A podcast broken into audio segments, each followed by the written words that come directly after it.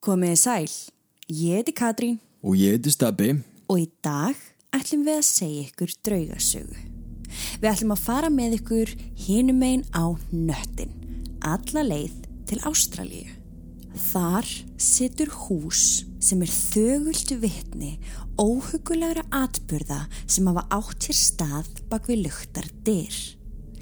Bæjarbúar heldu að þau þekktu heimilismennina en ó hvað þeim skjáttlaðist. Morð, sjálfsvík og önnur döðsföll, menn, konur og börn. Engum var hlýft. En áður en við hefjum sögu dagsins langar okkur að þakka ykkur fyrir að hlusta á Draugasögu podcast. Endilega gefð okkur fimm stjörnur á Apple podcast og skrifaðu umsögn ef þið líka sögurnar. Og ekki gleyma að íta á follow á Spotify svo þú missir ekki af nýjum þáttum. En það er ekki eftir neina býða. Við bjóðum ykkur velkomin í Monte Cristo setrið.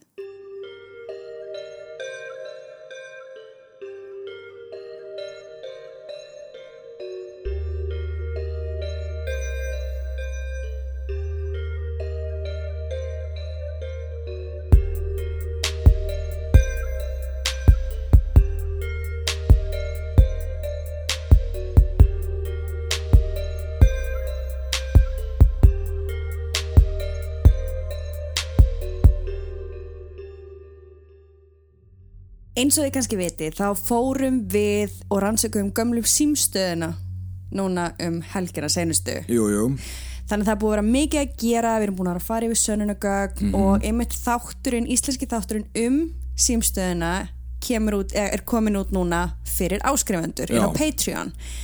En út af því að það er búið að vera mikið að gera hjá okkur og, og það raskast alltaf svona smá þegar við förum í rannsók að þá ert þú eiginlega svolítið að heyra þess að sögu í fyrsta skipti. Já, nú veit ég ekkert hvað þú ert að fara að segja Nei, mér, og, sko. og ég er spennt að Já. segja það frá henni. Ok, ég til. Monte Cristo setrið er staðsett í bænum Juni í New South Wales í Ástralíu. Þetta er stórt og fallegt hús, svona í Victoria stíl á tveimur hæðum og það setur á hæð svo frá húsinu er glæsilegt útsýni. Ok. Upprunalegi eigandi húsins er maður að nafni Christopher William Crawley. William Crawley giftist konu sinni Elizabeth árið 1862. Þau hjónin flytja þá í bæinn Juni og það tók þau 14 ár að koma sér vel fyrir þarna og öðlast fjáragslegt frelsi. En það kom eftir að William byggir Railway Hotel þarna á svæðinu og í kjölfarið þá gáttu þau kift sér land og byggt Monte Cristo setrið. Já, þau sem sagt byggðu þetta á 14 árum. Já, eða þau byrja þarna eftir 14 ár að byggja þetta Já, og þau já, þau eru já. fyrst bara að koma sér fyrir þarna í Ok. bænum og þú veist hvernig þetta er railroads út um allt og Ég hann skil. býr til þetta hótel og þá loksins fá þau eitthvað smá pening Ah, ok, til ok. þess að byrja. Ok. Skoðum aðeins hvernig þetta glæsilega hús lítur út. Mhm. Við setjum auðvitað myndir inn á draugasögu.com en ef þið eru ekki í stöðu til þess að skoða þær myndir akkurat núna þá ætlum við aðeins að gefa ykkur smá mynd af húsinu. Það er sagt að húsið sé í Victoria stíl Já, en ég verða að viðkjanna að mér finnst það vera frekar svona japanst. já, það er svolítið svona asíst yfirbræð á Er þessu. það ekki? Jú, Það er raukt á litin á tveimur hæðum og það er grænt grindverk í kringum það, bæði á pallinum niðri og á svölunum uppi sem ná allan ringin. Fyrir framan húsið er ringtork og þar í miðjunni er stitta eða gósbrunnur. Já, ok. Sérðu það? Já, já, ég sé það. Það eru fjórar tröppur sem leiða að útidra hurðinni og sitt hvora megin við þá hurð eru gluggar. Á efri hæðinni eru síðan þrýr gluggar hlið við hlið sem snúa að ringtorkinu. En þegar maður fyrir inn í húsið, þá tekur á móti manni þessi Viktoríu stíl. Ah, ok. Þú gengur inn og þú ert strax komin inn í stofuna. Já, og þér á vinstri hönd er lítið baðherbergi og þvottahús. Beint að augum er síðan opið eldús hliðin á borstofunni og fjölskylduherberginu. Ég, get, Ok. ég skal setja svona flórplan. já, ok. Mér sýnist samt einmitt á þessu flórplani að það séu aðeins fjórir gluggar á þessari hæð sem er svolítið lítið fyrir svona stórt rými Já, sem gerir það líklega verkum að það er svolítið skuggalegt þarna inn. mm, Síðan er stíið sem liggur upp á aðra hæð. Beint á móti honum er bathherbergi og stór skápur sem er svona walk-in closet. ok, Vinstra megin er hjónaherbergi og út frá því er annað bathherbergi. Og hægra megin við stegan eru tvö önnur söfnherbergi. ok, þetta er svolítið stórt hús. Já, á þessari hæð eru líka bara fjóri gluggar og þrýðera mm. snúa í sömu átt. Já, Það eru rauð þykk teppi á gólfunum og húsgögnin eru úr dökkum við. Setu myndirinn á draugasögu.com endilega kíkið á þær. Þau hjónin höfðu búið í litlu húsi þarna á landinu en það hús var breytt í íbúð fyrir vinnufólki þeirra þegar þau flytja inn í setrið. William var mjög auðugur maður. Hann fjárfesti í meira landi og á þessum tíma þá átti hann meiri hlutan af Junibænum eins og hann var þá. ah, ok, En hann var vinsæll og vel liðin í samfélaginu og hann gerði mikið fyrir það. Hann til dæmis gaf kirkjunni land og öðrum mikilvægum stofnunum. ok, Þau hjónin voru heitt trúaðir katholikar. Elizabeth gekk einungis í svörtum blundukjólum og með svartan hatt og þó að þau voru vel liðin í samfélaginu þá fóru þau illa með vinnufólki sitt og þá sérstaklega Elizabeth. Það er sagt að hún hafi stjórnað heimilinu á nefanum og öllu fólkinu þar inni. Þau eignuðist áttabörn, fjóra stelpur og þrjá stráka, en áttundabarnið þeirra dó inn í húsinu hörmulegum döðdaga. veitum við hvernig? Við vitum hvernig. Það Ok. eru skiptar skoðanar um hvernig Ethel dó. Hún hétt Ethel. En hún var aðeins átján mánuða gömul þegar hún let lífið með því að detta niður stegan á heimilinu. Sumir segja að þetta hafi verið slis. Barni hafi einfallega verið að príla og dotti svo niður stegan. Aðrir segja að barnfóstran hafi verið að ganga með barnið upp og skrikað fótur í steganum og mist Ethel í kjölfarið. Barnfóstran hafi síðan haldið í fram að Ethel hafi hreinlega verið rifin úr höndunum á henni af óséðu afli og þannig hafi hún dottið og dáið. Wow, En svo eru enn aðri sem segja að þetta hafi ekki verið slis, heldur morð. Sú saga hljómar þannig að einn þjóttnin sem vann fyrir þau hjónin hafi verið komin nóg af mistyrmingu af hendi Elizabeth og hann hafi viljað hefna sín. Svo þegar hann sá litlu Ethel príla við stegan hafa nota tækifarið og ítt henni með þeim afleðingum hún dó. Þetta döðsfall er staðfest og það gerðist inn í húsinu en hvernig það gerðist, það er ekki vita. wow. Ok, þannig það var talsvert mikið að vinni fólki sem starfa þarna líka. Já. Erum við að tala um þræla eða fólk á launum? Það er aldrei talað um þræla, það er bara Nei. að tala um vinnufólk. Ok, En það eru fleiri dulafull döðsfall sem áttu sér stað í Monte Cristo. nú, Einn sagan hljómar þannig að William hafi verið mikill kvenna maður og hafi haldið fram hjá konunni sinni Elizabeth reglulega og í nokkur skipti með þjónustustúlku sem vann á setrinu. ups, Þessi þjónustustúlka varð á endanum ófrísk. Hún vissi að ef upp kæmist að hún hefði verið að sofa hjá William þá er þenni refsað yllilega svo hún ákvað að taka sitt eigið líf með því að henda sér fram af svölunum á annari hæð. En svo aftur eru aðrir sem vilja skoða þetta döðsfall aðeins nánar. Var henni mögulega hrind? Því ef við pælum í því þá er þetta miklu meiri skömm fyrir William heldur en þjónustustúlkuna ef upp kæmist að hún væri ófrísk af barninu hans. já, já, Það eru því margir sem vilja halda því fram að William hafi einfallega hrind henni yfir handriðið og þannig hafi hún fallið niður og dáið. Já, nú eða þessi harðhanda Elizabeth. Einmitt, en, en mér finnst mjög skrítið að þú veist, hún vissi að henni erði refsað illilega Mhm. að hún hafi ákveða að taka sér degi lífi í staðin. einmitt Já, Einmitt. já við kannski munum aldrei koma staði þetta er ekki búið. Það eru Wow, fleiri döðsföll og sum ok. furðulegri en önnur en það eru einmitt þessi döðsföll sem lætur fólk velta fyrir sér hvort að húsi sjálft sé illt eða mögulega hvort á því kvíli bölvun. Ó, En þá fór ég allt í henni að hugsa hvaðan kemur allt þetta fólk sem var að deyja að nynni já, og eftir að hafa dottið inn í all nokkrar rabbit holes þá fann ég mögulega skýringuna. ok. Þessar upplýsingar koma frá konu sem var þjónustustúlka hjá þeim hjónum á meðan þau bygguð þarna. Á þessum tíma voru ungmenni sem voru kölluð The Stolen Generation eða bara týnda kynnslóðin.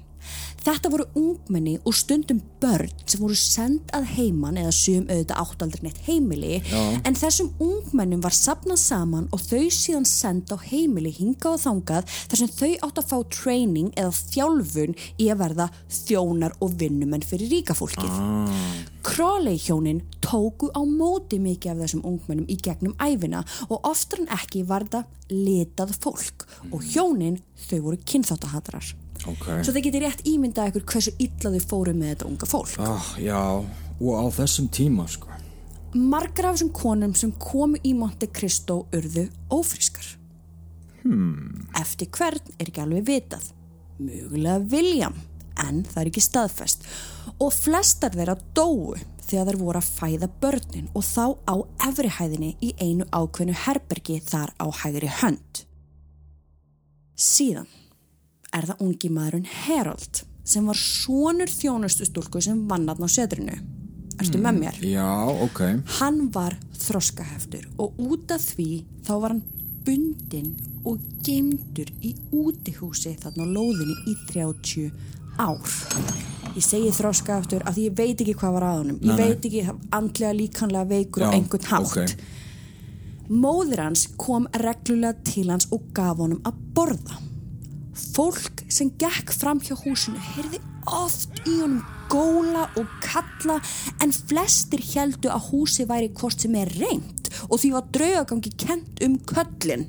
Ah, oi bara Mörgum, mörgum árum setna deyr móður hans og þegar bæjarbúar líta síðan í hlöðuna eftir að hafa heyrt öskur komaðan í nokkra daga þá finna þau Herold. Þar sat hann með enga mat, ekkert vatn og það var greinilegt að enginn hafði hugsað um hann síðan móður hans lést. Wow. Hann var tekinn og færður á stopnun þar sem hann lést skömmu síðar. Já, hann var bara döðunar í lífi hvað sem Jep. er Svo er það sagan af ungastráknum Morris sem var látin sofa í hlöðunni fyrir utan húsið. Er það sonur Williams og þeirra Nei, Nei. Eins, þess vegna vildi ég segja ykkur áðan frá Stolen Stolen Generation að því ég held að öll þessi börn og öll þessi ungmenni er að koma þaðan. Ég skil, ok. En Morris, hann sem sagt var látin sofa þarna í hlöðinni og í eitt skiptið kemur yfirmaður hans sem var bara einhver annar þarna. Ok, sérst ekki þau hjónin heldur einhver yfirmaður hann er greinilega bara lægst í röðinni, Já, já, já, lægstur í já, röðinni. ok. Og það kemur þarna einhver verkefnastjóri þú veist, Ok. hann á að fara að vinna. Já. En, Morris hann kvartar yfir því að vera veikur og hann segist ekki geta staðið upp. Til þess að kenna drengnum leksíu þá kveikir maðurinn í dínunni þar sem drengurinn lá sofandi. Þetta var auðvitað engin dýna, meira bara svona strábæli, en drengurinn var of veikur til þess að forða sér, svo hann brann dauða. Wow Viltu talja upp dauðsföllin sem við erum komið með? Við erum með Morris, við erum með strákin, Mhm. við erum með mömmustráksins, við erum með litla badnið og Konundar sem er að fæða börn, við veitum ekki svona hversu margar, Hversu margar þær eru, er, við erum með ok. okay. þjónustúlkunni sem tók sér degi líf, þetta er orðið rosa mikið Já, og þetta er ekki búið. Nei, ok, við erum allan að koma með 6-7 sem við vitum um Uh, að lokum, sem er allavega að vitað um, Ok, þá er það maðurinn sem var að sjá um húsið þegar það var aukt árið 1961 og þannig erum við að tala um áð, þú veist, eftir að þau eru dáin Crawley hjónin, við erum að tala um löngu farin. 1961 það er áður en að Ryans hjónin kaupa húsið sem við hefum eftir að fjallum hérna örlítið setna Ok. en þessi maður var skotin til bana á tröppunum fyrir utan húsið af ungum dreng sem hafði verið að horfa á kvikmyndina Psycho og í kjölfarið ákvaðan að fara út og drepa einhvern Já. Þessi ungi drengur skrifaði síðan Die Jack Die á eina hurðina í útihúsinu og það má ennþá sjá ummerki um þessi skrif í dag. Já, ég er farin að halda að sé bara eitthvað tengt þessu húsi sko. Mm. Af því þegar þú horfir á þetta hús, þú enga megin átta þig og allt þetta hafi gerst inn í því og fyrir utan það. Enga megin. Lean Bari á Íslandi er með fyrsta flokks fæðibótarefni fyrir alla þínar þarfir. Hvað sem úrst að losna með auka kíló byggja upp, auka styrk eða bara sitja heim í sófanum. Ég byrja aldrei daginn ef með ískaldri fat burner koffinbomb á mótnana til að rífa mig upp. Og við hjá draugasögum erum við þetta bálskotin í ghost vörulínunni þeirra. Ef þú vilt fá personlega þjónustu frá skemmtilegasta starfsfólkinu skaltu kíkja til þér í Glæsibæ eða næla þér í tilbúsverður á leanbari.is En ok, það var greinilega margt að gerast innan veggja húsins þegar þau hjónin byggu aðna. Mm. William sjálfur deyr svo inn í húsinu þann 14. desember 1910, 69 ára aldri. Hann dó úr blóðeitrun sem kom út frá sári sem hann fekk á hálsin. Ok, Það sár síktist því svo rosalega að hann fekk blóðeitrun í kjölfarið. Eftir fráfall eigimann síns þá bjó Elizabeth í húsinu í 23 ár þannig til hún dó sjálf þann 12. ágúst 1933, 92 ára aldri úr hjartabilun. ok Það er sagt að í þessu 23 ár sem Elizabeth bjóðna þá hafa hún aðeins yfirgifið húsið í þrjú skipti. Ha, Það er ekki að vita af hverju. Ok, það er mjög Og ég fann ekkert meira um það af hverju. Nei, En það er eins og hún hafi bara, veist, það er bara eins og hún hafi bara vilja vera bara þarna inni.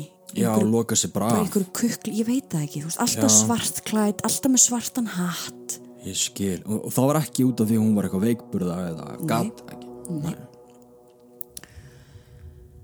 En síðan kemur Ryans fjölskyldan til sögu. Mm. Þau kaupa húsið sem var þá í niðurnýslu árið 1961, semst bara mjög stuttu eftir að þessi maður hafi verið skotin að það fyrir utan. Já, en það bjó enginn í húsinu eftir að Elizabeth dó þarna 1933 Nei, nefnilega ekki sem ég finn Þú veist, Ok. það hefur eflust verið eitthvað bara ráf út og inn já. en það var enginn sem gerði það svona upp eins og Ryans fjölskylda Ok. Þau verða nefnilega ástofangin á húsinu en fjölskyldufæðurinn sagði svo setna mér að húsið hafi kallað á hann af miklu Mm. afli sem hann gat ekki staðist Þetta þekkist algjörlega á þessum tíma byggu þau óskup venjulegu húsi með börnum sínum og svo þetta íburða mikla setur var mikil breyting en varð fljótlega stöðutákn fyrir þessa heitt trúuðu fjölskyldu sem ákvað að gera það að heimili. Ég ekki rétt trúa því Við ætlum aðeins að skoða hvað fjölskyldan gekk í gegnum á meðan hún bjóðarna frá yngsta seninum sem heitir Ryan. Ok. Sérst bara út frá hans upplifun. Já, Hann talar um að pappans Reginald hafi alist upp aðna við játbrötateinana nálægt setrinu og að hann hafi alltaf verið mjög forvitin um húsið alveg frá unga aldri. Og núna, þegar það var í niðunislu, fann hann sig knúin til þess að gera það upp. Þau voru stórfjölskylda. Olive, móður hans, hafði fætt þrjár stúlkur og var ófrísk af fjórðu þegar þau kaupa húsið. ok. Ryan var eini strákurinn. Og ertu búin að taka eftir því það er Ryan's family? Ég og Ryan? Já, skrítið. ég veit ekki hvort hún sé bara að því að, að, því að sko saga fjölskyldunar er alltaf sögð út frá Ryan þannig ég veit ekki Já. hvort það sé mögulega bara búið að kalla þau bara Ryan's family Það getur verið sko En við skulum bara vinna út frá því að hann heitir Ryan já já, en, en hann er semst eini strákurinn hann með þessum fjórum systrum. Ok, Foreldrarnir lögðu allt sitt í húsið og unnu að í dag og nótt en undarlegir atbyrðir fóru að eiga sér stað meira segja áður en þau fluttu formlega inn. Eitt kvöldið ákveður fjölskyldan að fara í bíltúr og keira að Monte Cristo seturinu til að skoða það og skrifa niður hvað þeir þetta kaupa og gera við áður en þau gætu fluttangað inn. En þegar þau nálgast húsið sjáðu öll að ljósin í glukkonum voru kveikt. En það gæti varðla verið vegna þess að það var ekkert rafmagn í húsinu. Þau voru ekki að greiða neina rafmagsreikninga og voru ekki einu sinni búin að fá rafvirkja til þess að tengja neitt að nynni hvað þú kaupa perur svo þetta var nánast ómögulegt. En þarna satt húsið í ljósum lógum. Á báðum hæðum í hverju einasta herbergi logaði ljós. Olive spurði eigimann sinn hvort að það gæti bara mögulega verið að þau hefðu pantar afvirkja en mögulega bara glimti en Reginald neytaði því hann myndi ekki gleima slíku. Hún fannst líklegra að það væri einhver búin að brjótast inn en innst inni fannst hún samt skrítið að innbrótstjófurinn myndi taka með sér ljós og láta þannig taka eftir sér. Ekkert af þessu var að meika neitt sens en hann beði fjölskylduna að býða í bílnum og ákvaða aðtuga máli sjálfur.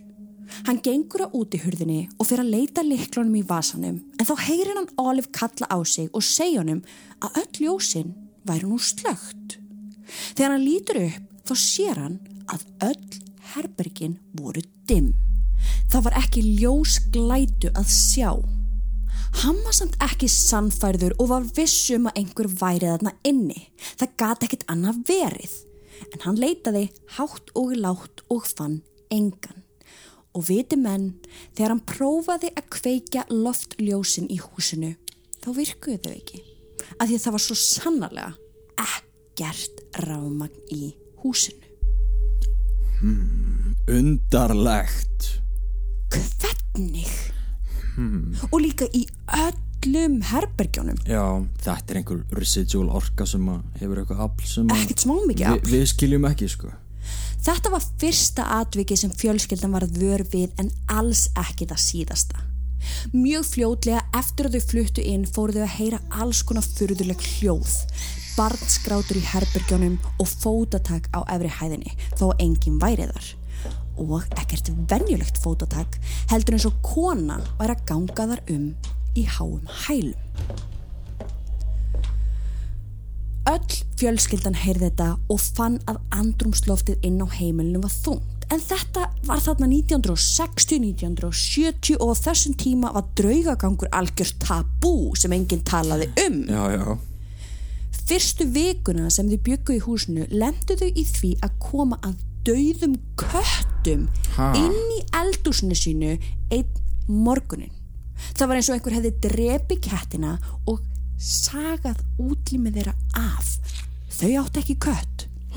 What? Mm -hmm. Ég fann þetta núna bara, ég var búin að gera handrið þess og bara já. fann ég þetta en ég bara ítti þessu inn að þú fannst þetta svo merkilegt þetta er svo mikið wow. svona devil já, worshipping já. eitthvað, þú veist það er auðvitað ekkert hægt þannig sé að útlöka það mögulega einhver hafi komið þarna inn og gert þetta. Já, já. en hvort heldur sem er þá er þetta óökulegt Já, ég menna þú veist döð dýr eru oftast tengt einhverjum djöflaðum trúabröðum og Ræjan viðkennir að þetta atvik hafi hrætt alla fjölskylduna og hann er ennþá í dag ekki með skýringu á hvaðan þessi kettir komu.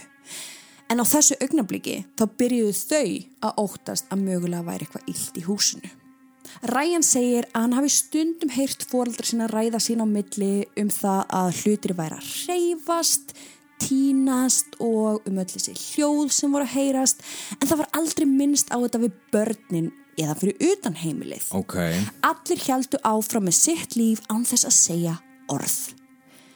En þetta var erfitt fyrir þau sískinni því vinir þeirra urðu varið við þetta líka. Hann lýsir í þegar hann fekk vinið í heimsók þegar hann var 12 ára. Oft fengur að gista hjá honum en enginn þeirra þorði að fara einn á bathherbyrgi á nóttunni. Svo þeir brúðu þá ráð að fara allir saman og þeir heldust allir í hendur til þess að passa upp á hvort annan. Það var að sjálfsögðu ekki rætt morgunin eftir því það þótti ansi skömmustulegt að vera 12 ára strákur og þú er ekki að fara einn að pissa. Wow. Já.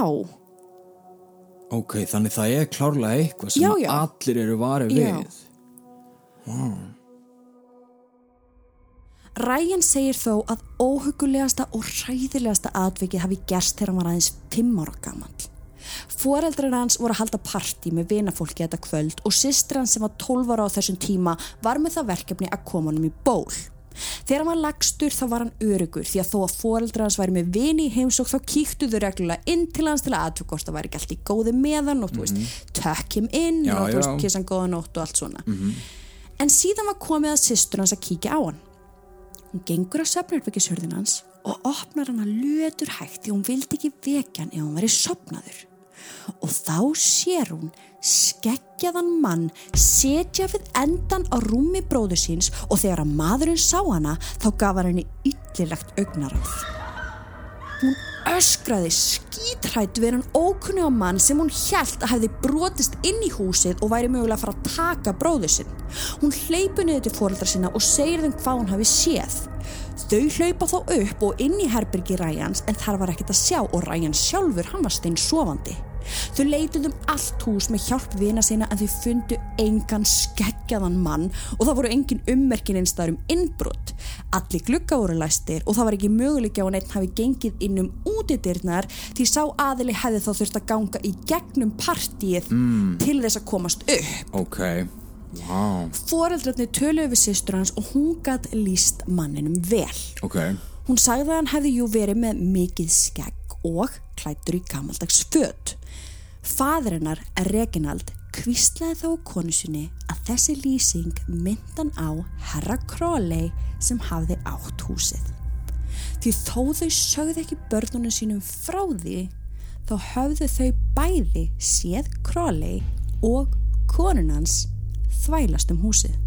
wow, og þau höfðu ekki bara séð þau heldur heyrt í þeim öskra á þau að koma sér út